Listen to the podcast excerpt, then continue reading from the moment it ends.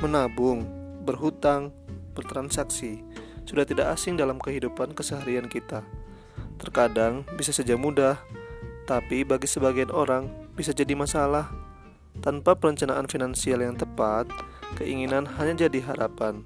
Simak rangkaian podcast kami yang akan membagi pengalaman seputar tips dan trik finansial secara mudah.